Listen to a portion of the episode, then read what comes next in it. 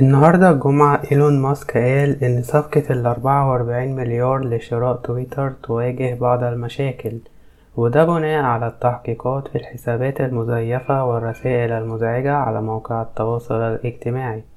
وده مطب جديد من ضمن مشاكل داخلية كتير خاصة الموظفين الرافضين لاستحواذ ماسك على تويتر.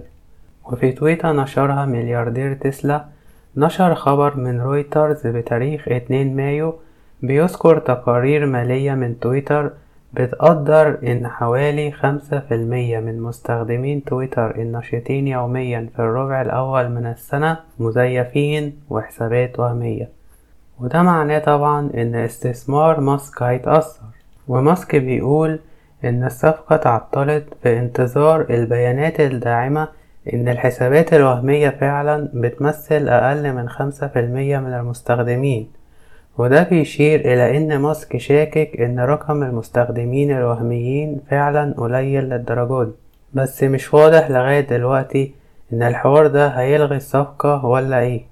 وعليه اتأثر سعر أسهم شركة تويتر وتسلا في الاتجاه المعاكس لبعض حيث إن أسهم تويتر نزلت 18% وتسلا اللي ماسك أصلا بيحاول يستخدمها عشان يمول استحواذ صفقة تويتر زادت خمسة في المية.